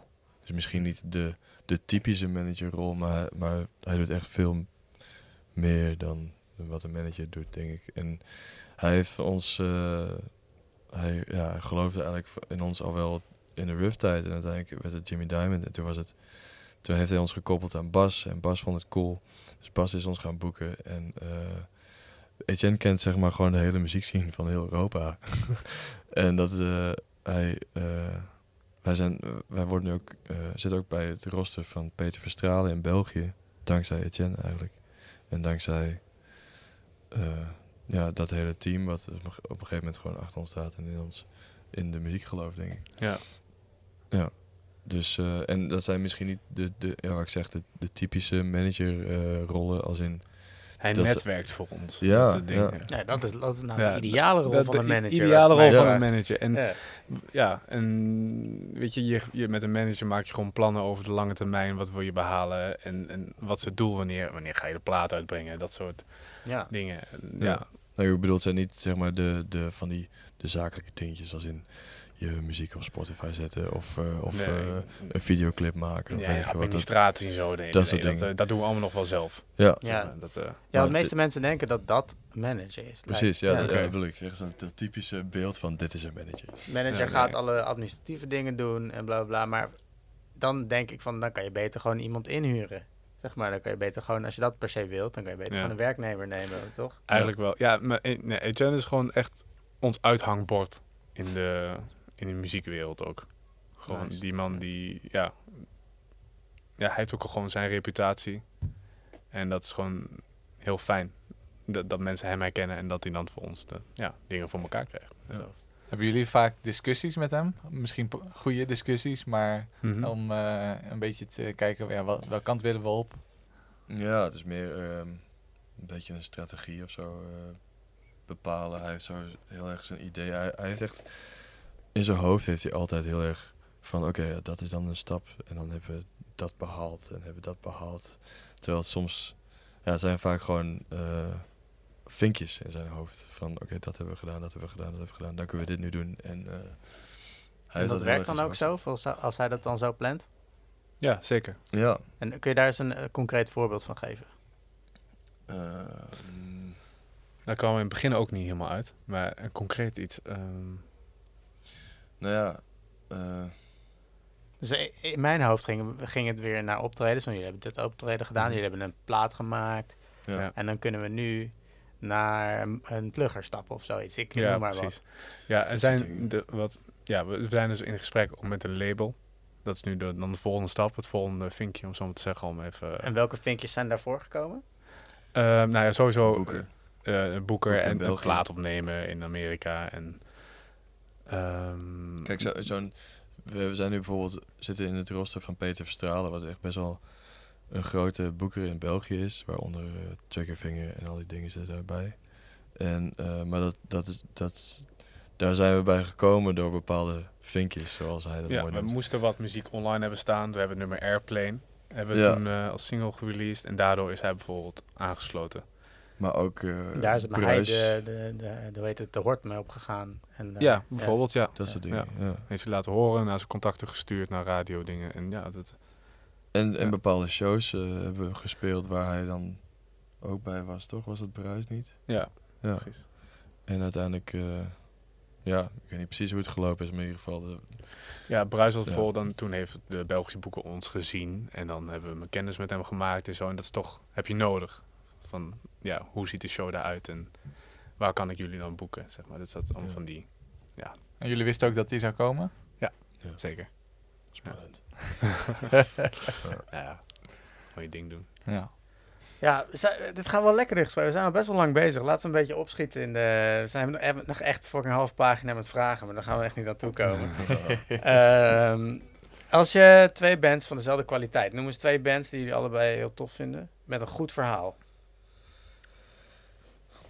Het verhaal van de andere band weten. Maar eh, als in? eh, Eh, dus kijk, er zijn soms eh, bands die hebben een goed verhaal.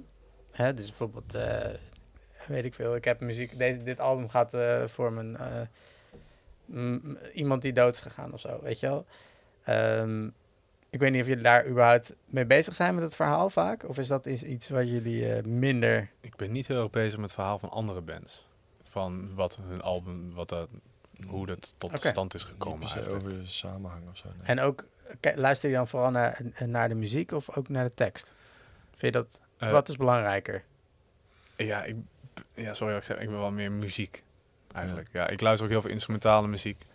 En eh, ja, teksten. Ik was steeds, wel, steeds meer naar teksten en eh, vooral ook naar eh, productie. Als in hoe klinkt het en wat voor keuzes zijn Ja, gemaakt. Dat vind ik heel interessant. En eh, ehm, Ik denk Ja. dat, ja, we zijn beide overeen dat bijvoorbeeld Madugada, dat dat een heel goed album is, de laatste, Charge at Midnight. Ja. En dat heeft mij ook wel opeens getriggerd om wel naar tekst te luisteren en naar productie ook. Ja. Dat werd toen heel interessant. ja, maar ook, ook bijvoorbeeld die nieuwe plaat van de War on Drugs. Ja. Ook ja. Dat is ook echt... eh, ik weet niet of dat twee gelijk, eh, gelijke bands zijn. Niet helemaal misschien, maar... Ja. Want ik weet niet precies waar, waar je naartoe wil. Nou, eh, dat eh, maakt niet meer uit. ik eh, vind het eigenlijk al een toffer, eh toffer antwoord. Ja, het, het is namelijk best wel een discussie. Ik vind het ook, sommige mensen die horen niet even, dat is bijvoorbeeld een mooi voorbeeld van eh, eBay. Die had, een, eh, had, het, eh, had het liedje My Way omgezet als I bought it on eBay. Mm. En mensen herkenden dus niet dat het My Way was, omdat ze, omdat het, omdat ze, dus sommige mensen die zijn heel erg bezig met alleen de tekst. En die herkennen dus niet aan de melodie dat het My Way is. Het meest Ja. van, een van de meest bekende nummers alle tijden. Ja. En eh, dat, dat verbaasde mij enorm, want ik ben ook iemand die ook vooral vanuit de muziek en dan ik ben ook meer naar de tekst gaan luisteren la- pas later. Ja. En eh, ja, dus dat is eigenlijk al best wel een Ik vind het echt heel interessant hoe, hoe verschillend dat is.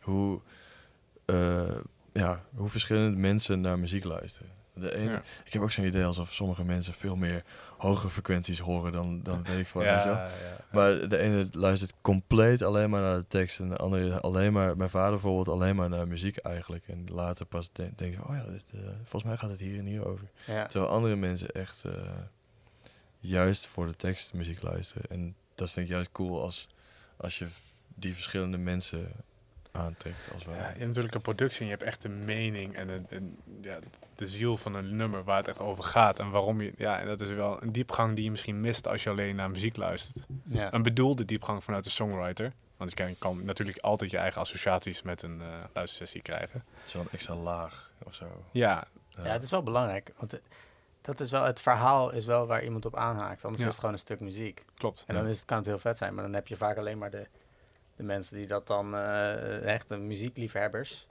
En dan is het moeilijker voor de algemene publiek om daarop aan te sluiten. En als Ja. er dan een verhaal achter zit, dan merk je gewoon wel dat dat wel echt goed werkt. Dat merk ik bij mezelf ook. Hm.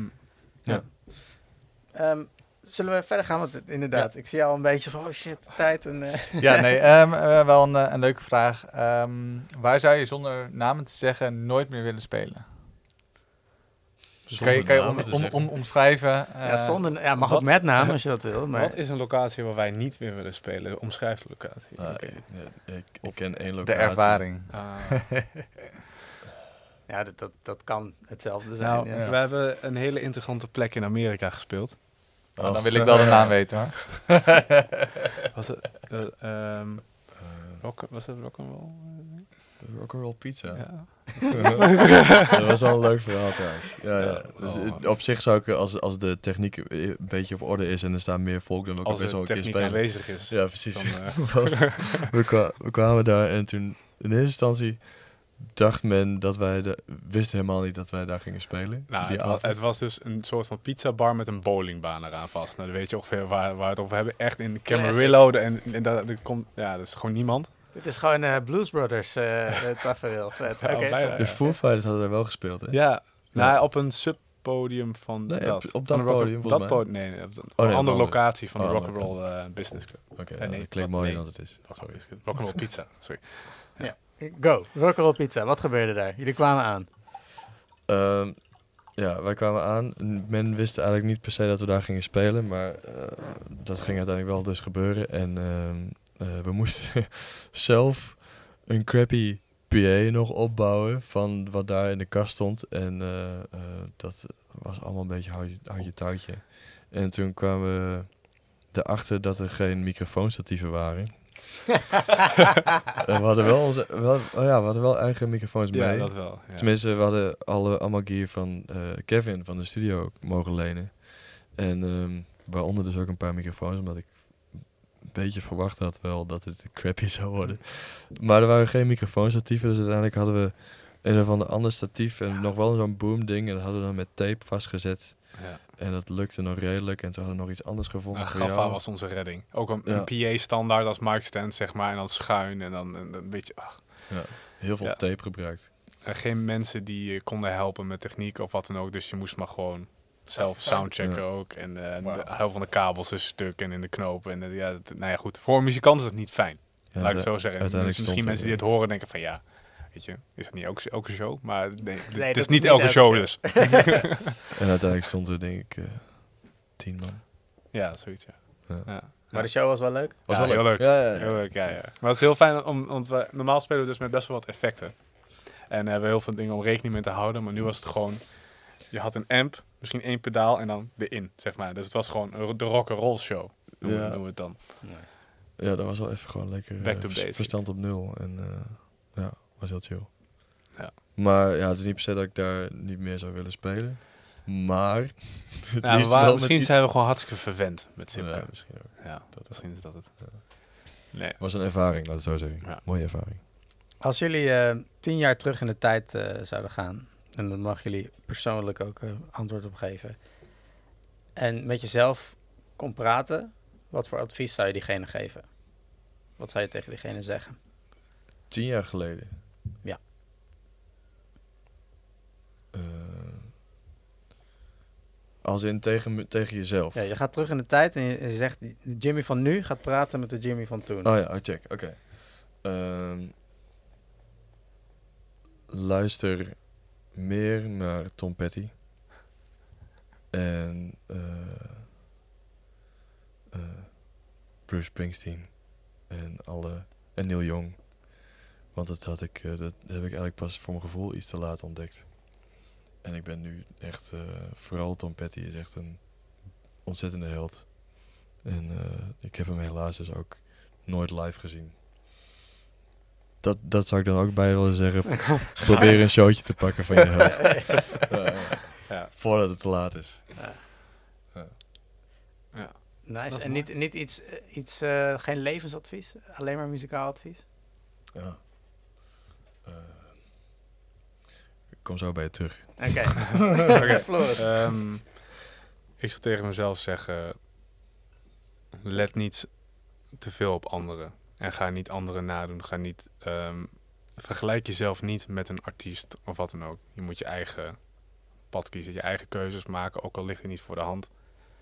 Maar ga niet, ehm, word niet een te groot fan van iets. Wat je daarna, ja, gewoon je moet voor jezelf iets creëren en niet ehm, kijken naar anderen. Zeg maar. Dat zou ik maar 18 jaar zelf dan eh, willen meegeven. Mooi. 18, ja. Ah, Oh ja. Ik was 15, tien jaar geleden. Ja, ja. En dan eh, pak een optreden van Prins. Eh, oh, ehm, Robbie Tien jaar geleden was hij ja, Rob. eh, ja, maar nee, die- nee, nee, nee, dat was dat toen ik kind was. Ik dacht, van, Oh, ja. ehm, ja, wie moet ik hebben? Nee, ik, nog geen, geen ambitie eh, verder daarop. Nee. Oké. Ehm, wat is de meest lonende investering die jullie hebben gedaan? Als band? Hoeft niet per se. Alle drie. Jij, jij en Bent. Mm. Mijn basgitaar. Want daar heb ik, eh, ik, ik speel al tien jaar, nou tien jaar bijna? Nee, iets korter. Zeven, acht jaar op dezelfde basgitaar. Alleen maar die. En eh, ja, het is gewoon een deel van mijn eh, lichaam geworden, om zo te zeggen. Gewoon van ja, het zit als gegoten, laat ik zo zeggen. Ja. Oké. Zelfde snaar ook nog? Of, eh? Nee, nee, nee, nee, nee, nee, nee, nee, nee. Meest lonende investering. Ja. Nou ja, voor de band. eh eh nou ja. De bus. Mijn- waar? Mijn bus, nee. nee ja, eh, ik denk dat... het- we weten niet of het een lonende investering is, want het, hij is nog niet uit. Maar eh, vooral eh, een gevoelswise was het opnemen van de plaat afgelopen... Nou ja, wel een behoorlijk lonende investering. Zeker. Ja, Ja. Dat is wel een Ja. bucketlist. eh Dat item. sowieso. absoluut. Ja. Ja, Dat is Ik echt zou het een- nooit terugnemen. Ja, maar ook gewoon een hele leerzame ervaring wat betreft eh, opname. Eh, Producing. ja, producing dingen vond ik het super interessant. En eh, ja, gewoon ook, ook een soort van vibe, mindset ding wat Kevin om zich heen had, was echt, eh, ja, was gewoon heel erg leerzaam of zo. Gek. Op heel veel verschillende fronten. Dus dat is, dat is voor onszelf een lonend, lonende investering geweest, sowieso al nu. En ik hoop dat uiteindelijk als die straks uit is, dat het op andere, misschien, op andere manieren ook nog lonend is, weet je wel. Ja. Va- en- en de, een van jullie, wat is jullie favoriete mislukking van de band? Die jullie ook verder heeft geholpen? Hmm. Favoriete mislukking? Ja, wat misschien in eerste instantie wel heel erg vervelend was. Of voelde. En later toch wel iets fijns heeft opgeleverd. Jee. Misschien kun je terugdenken aan, aan de ruftijd. Nou ja, het, klinkt misschien een beetje hard om dat te zeggen, maar ik, ik was uiteindelijk toch wel blij dat Ruff eh, op een gegeven moment eh, tot een einde kwam, denk ik. En dat was meer omdat dat genre me gewoon niet echt meer trok ook. En, en ja, er waren natuurlijk ook wat andere issues, maar ik heb nu echt het gevoel dat we iets aan het doen zijn. En als ik voor mezelf spreek, dat ik iets aan het doen ben wat ik heel erg, heel erg fijn vind om te doen.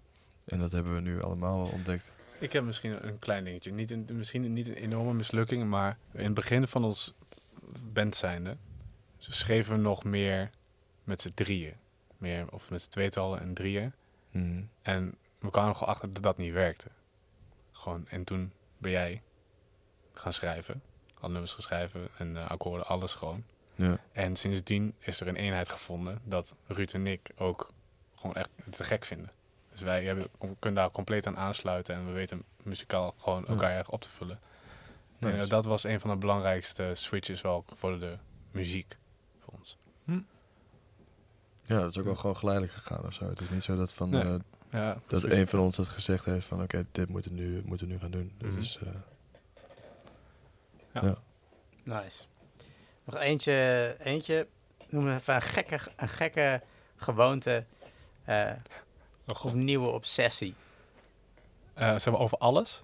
Gewoon, ja, iets, iets, iets geks wat je, leuk, wat je leuk vindt.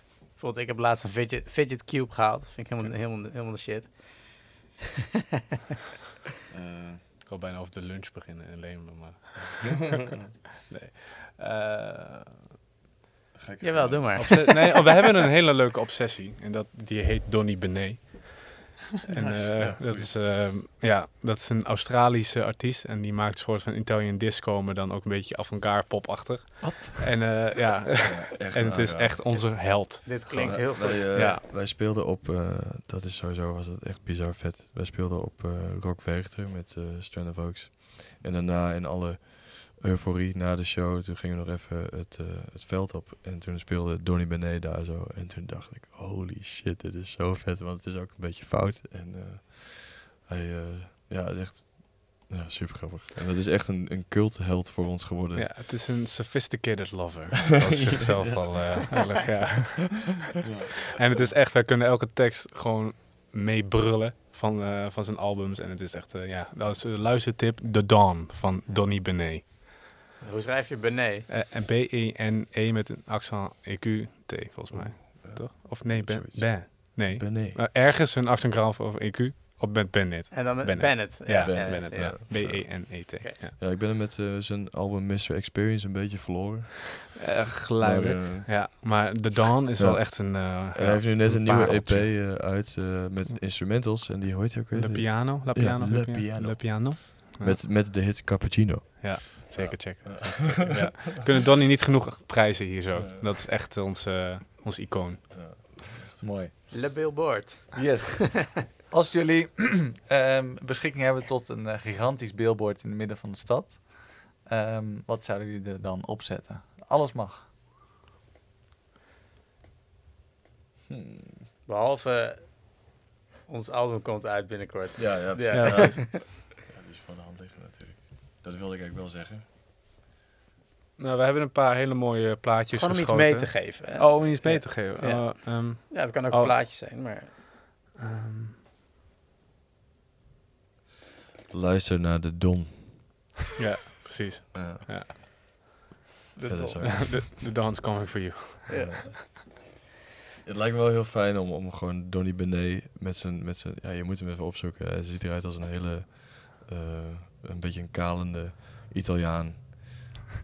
En eh, hij maakt ook heel gebruik van... zijn- Romein. ja, ja. En eh, als hij met zijn, zijn hoofd heel groot op een billboard staat... Ja, dan kan ik er wel van genieten, denk ik. Ja, ik ook. Oké. Of bedoel je iets serieus? Nee, Nee, nee, oké. nee, nee, nee. Iets meegeven aan de wereld. Dit is zeker iets Oh, meegeven ja, aan de wereld. Hè? Ja, Ja, absoluut. ja. Fijn. Alright. D- eh, zullen we hem doen, de 100 eh vragen? Dus je je hebt 100 euro te besteden. Je bent beginnend eh, als, als muzikant, als band misschien. Eh, waar zou je het aan besteden? Benzine. Ik wou zeggen een interface. Ja. Maar dan heb je nog geen microfoon. Maar je hebt vast wel pakjes met een microfoon en, en, en een interface voor 100 euro. Om je liedjes, om je ideetjes op te nemen. Ja, om demo's te maken. Ja. Ja. Zelfde vraag. 1000 euro. Mm. Een, een, een engineer, denk ik. In een studio. Een dagje een single opnemen. Ja, oh ja, ja. Ja. Nou, in principe kun je voor 1000 euro kun je toch wel eh, twee à drie songs goed opnemen, denk ik. Ja. Ja, kan. Hangt een Een beetje af maken. Ja. Ja. Ja. Ja, een, be- een beetje een goed deeltje. Ja. Misschien wel maar, het ding is, je moet gewoon vindbaar zijn. Dat is wat wij, Etienne ook altijd ons heeft meegegeven. We moeten iets online hebben staan. Weet je, je kan niet zo lang op alleen maar een zweverig iets eh het voorbeduren. Je moet gewoon zichtbaar zijn. Klaar. Dat Sommige mensen kunnen belangrijkste. Of sommige, sommige bands. Die heel lang Ja, ja, goed, voor ons werkt het, moet, moest dit. Ja. Gewoon, ja. Voor 10.000 euro, wat zouden jullie daarmee eh, mee doen? Of adviseren? Naar Amerika gaan. Ehm, ja, als we dan even weggaan van het opneemproces, zeg maar, dan inderdaad ehm, ehm, ik investeer in je eigen spul, dat goed voor elkaar is. Als je gaat spelen, dan moet je gewoon road ready zijn. Dat is belangrijk. Misschien een Extra busje. dus. microfoons. Ja, maar Nou, ook een busje op de kop tikken van ga die weg op en ga spelen. En zorg ervoor dat je er iets zelf van overhoudt. eh. Ja, even korte vraag daarvan. hè, Een busje, want eh, we hebben ook een eh, gast gehad en die zegt... koop nooit een bus, bandbus. Want altijd, eh, als je een bandbus hebt, ehm, ja, dan, eh, eh, hè, dan ben je verantwoordelijk over die bus. Dus als er een raampje uitgetikt wordt, fuck. 500 euro kwijt om dat te repa- repareren. Wordt er tegenaan gereden, kut. Weet je wel? Terwijl als je een bus huurt, dan heb je al dat gezeik niet. heb je geen belasting, dat Oh. soort dingen. Ik, eh, in ons geval ben ik de eigenaar van... Het is mijn bus, zeg maar. Als in, dat is ook gewoon mijn auto. Ah, oké. Dus ik rijd er overal mee All risk. naartoe. nou, ik weet niet precies hoe ik dat met verzekering getikt heb. Maar voorzichtig doen. ja, ja, precies. Ja. Nee, maar inderdaad, als je gewoon... Ik begrijp het ding. Ja. Van je- inderdaad, een Pieter Smit even huren een keer, dan eh, ja, natuurlijk. Moet je gewoon doen. Als, je Ja. daar, als je daarvoor de centen natuurlijk hebt. Verschilt ook hoe vaak je eh, eh, gaat toeren, zeg maar. Ja, en je wil, als je heel lang toert, is comfort is geen overbodige luxe natuurlijk, als je het kan. Nou, Ja, en het ligt ook hoeveel, weet je, we hebben nu een transit, ja, daar kun je gewoon met vijf man in.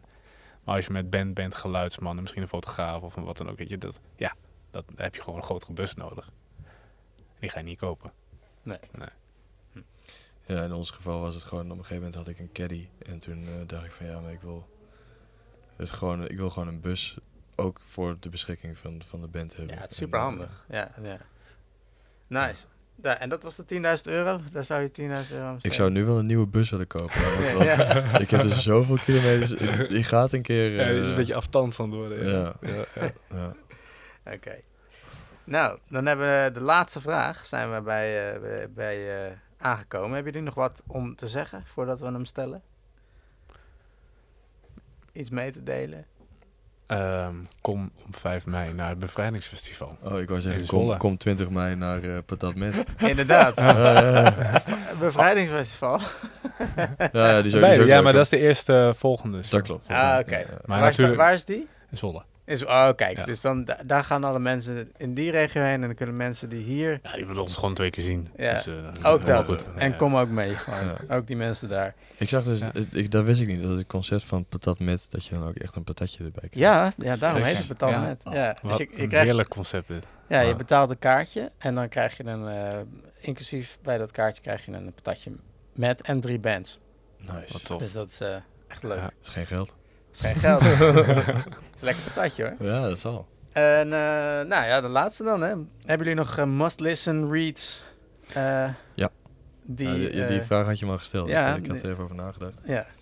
Ehm, we hadden het al een paar keer over die band, maar ik ben echt compleet fan van Madrugada nu tegenwoordig. Hm. En eh, dat, is, dat, we- dat hadden we eigenlijk ontdekt omdat eh, dat de band was die voor ons bij Kevin in LA heeft opgenomen. En Madrugada blijkt een behoorlijk grote Noorse band te zijn. Die eh, hier eh 013 en zo eh, uitverkoopt, maar vooral daar in de buurt echt stadion speelt. En eh, toen ik dat voor het eerst hoorde, toen, ja, ja bizar.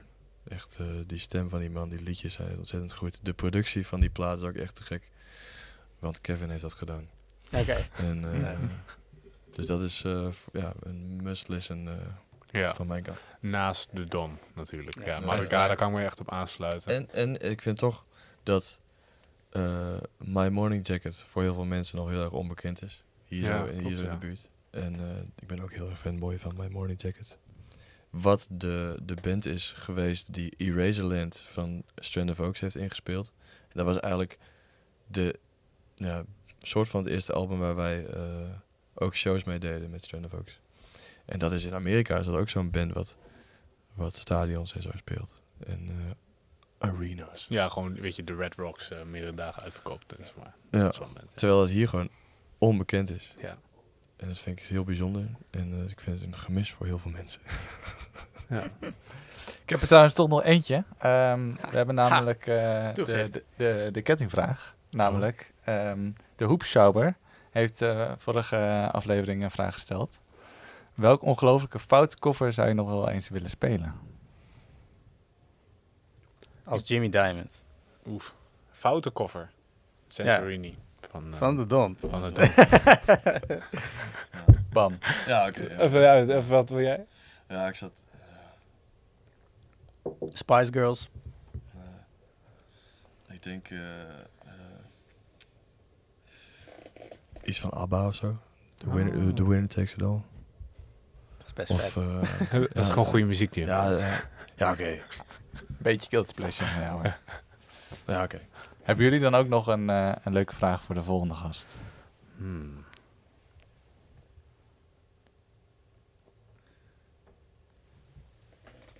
Ja. Ja. Ehm, Neem ja, je ze is een beetje van het blok. eh. Ja. Wat zou je doen met 10.000 euro? Nee, die gaan we wel stellen. Dat, dat telt niet. Ehm, Weet jij, de volgende is Queen's Pleasure, toch? Ja. Dus ehm, misschien helpt dat.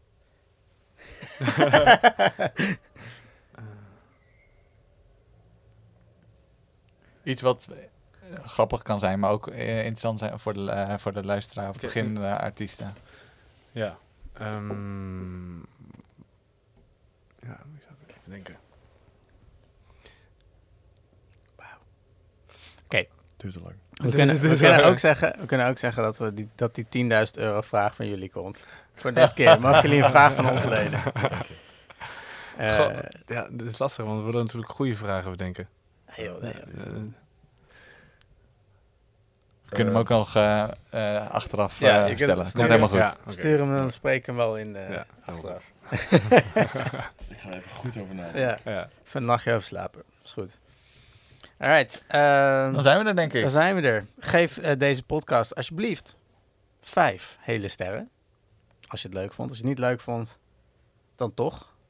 Ehm, deel deze podcast met een persoon die je kent. Jullie ook graag. Ja. Als, hem. als je de, de kans krijgt. En eh, vergeet niet, 20 mei, Money in the Man, Jimmy Diamond en de Tapestries. Patat met. Patat met, hier in Hilversum in de Forstin. Bedankt voor het luisteren, slash kijken. Tot de En volgende. bedankt, en bedankt dat jullie er waren. Ja. Ja, jullie bedankt. Dankjewel. Ja, ja. Hoi. Dag. Dankjewel. Jimmy Diamond. Doei! Yo, yo.